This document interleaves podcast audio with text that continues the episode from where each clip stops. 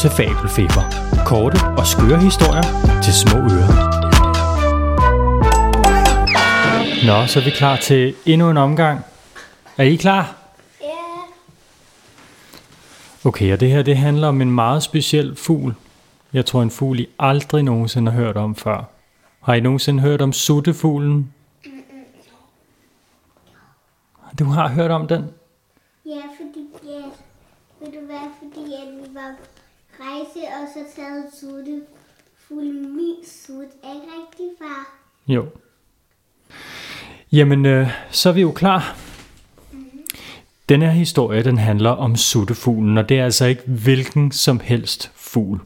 Suttefuglen, det er nemlig en fugl, der er fuldstændig vild med sutter, og den stjæler dem fra børnene.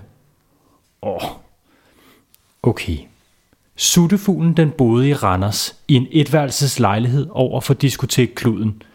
Den var 26 år gammel, og den havde mange muskler. Den trænede hver eneste dag nede i den nye fitnesskæde, der lige var åbnet.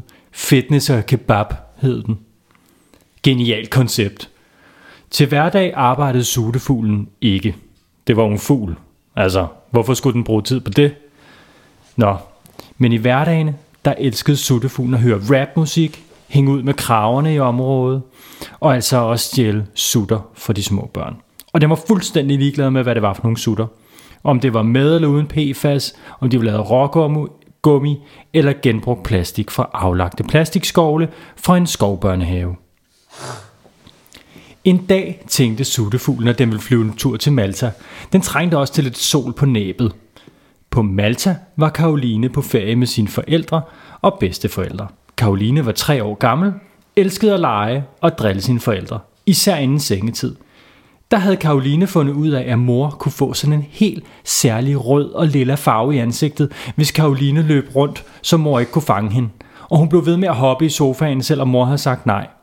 Hun synes også, det var sjovt at sige, at hun var sulten og tørstig, lige efter hun havde børstet tænder. Og det var især sjovt at sige, at det kløede på benet og insistere på, at hun skulle have plaster på, lige efter hun var blevet puttet. Nå, men Karoline var altså på ferie på Malta. Og var der noget, som Karoline elskede mere end noget andet, så var det hendes skrige lyserøde sutter med glimmer og indbygget musikanlæg. Hun havde tre af dem. De spillede næsten altid absurd høj MGP og popsi og musik. En af dem var faktisk gået lidt i stykker, så den spillede konstant hjulene på bussen. Det var Karolines forældre ved at være lidt træt af, og det var Karoline faktisk også. Karoline hun havde mindst én sut med sig hele tiden, og det havde Karoline også, da hun gik i poolen for at lege nede på Malta. Wow, det er jo nærmest et badeland, råbte Karoline, da hun så poolen.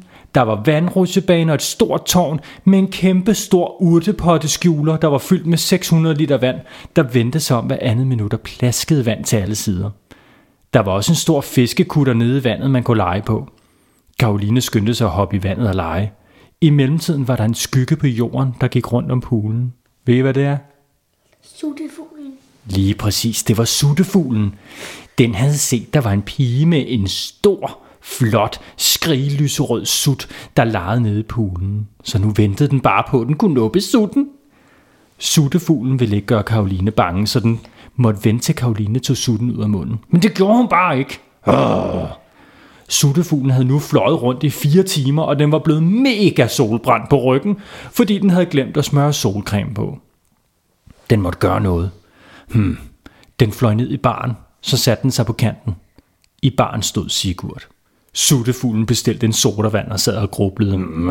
Hvordan får jeg fat i den der sut? Åh, det er bare den flotteste sut, jeg nogensinde har set. Jeg må have den sut. Hvordan får jeg hende pigen til at smide den?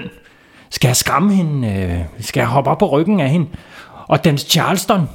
Nej, det går nok ikke. Skal jeg finde en, en stærk suttemagnet, som kan hapse den, når jeg flyver forbi? Ja, nej, jeg har glemt den. Ej, jeg har glemt den i Randers. Det går bare ikke. Nu har jeg det.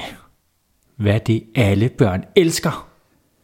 Det er jo is. Ah, Suttefuglen kaldte på Sigurd op i baren. Du, Sigurd? Jeg vil gerne have sådan en omgang is til alle børnene i poolen.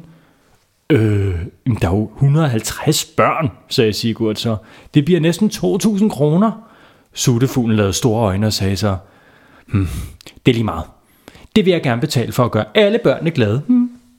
Suttefuglen tænkte for sig selv, at 2.000 kroner var en meget lille pris for sådan en flot, lyserød sut, der kunne spille musik. Sigurd gav is til alle børnene, og alle børnene jublede og var glade, også Karoline.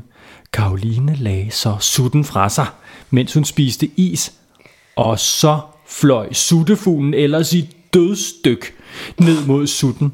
Den foldede sin ene store tog ud som en krog, da den fløj med 155 km lige forbi sutten, og et helt perfekt greb fik den snuppet sutten op mellem suttefuglens tær. Ja, udbrød suttefuglen. Jeg fik den!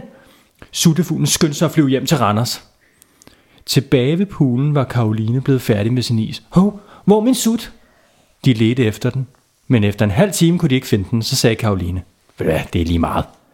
Det var den der, der spillede popsi og krille med hjulene på bussen, og slukknappen var gået i stykker. Jeg tager bare en af de andre. Tilbage i Randers var suttefuglen kommet hjem til lejligheden. På vejen hjem havde den hørt hjulene på bussen 1334 gange i træk. Den var fuldstændig ør i hovedet af at høre på det. Suttefuglen prøvede alt, hvad den kunne for at slukke for musikken. Den kunne alle versene i hovedet, både forfra og bagfra. Suttefuglen bankede ned i øh, jorden med næbet på, med, med sutten. Det virkede ikke. Så puttede den sutten ned i en spand med vand. Det virkede heller ikke. Så smurte den mayonnaise og sesam ud over sutten. Det hjalp heller ikke.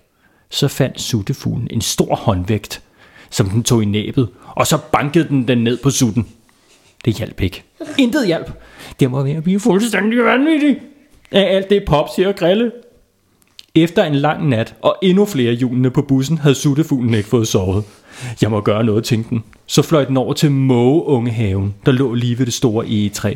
Det er sådan en børnehave for mågeunger hvor mågerne afleverede deres små mågeunger, inden de tog ud og jagtede pomfritter og pølsebrød på havnen. Suttefuglen bankede på døren med næbet.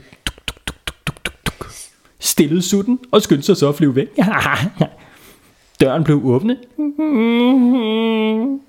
I, hvor dejligt, sagde mågehanne, der var mågepædagog. Den har jeg set i reklamerne. Sikke en dejlig gave. Og fra den dag hørte de altså julene på bussen nede i mågebørnehaven. Og suttefuglen lærte, at det ikke altid er de flotteste sutter, der er de bedste.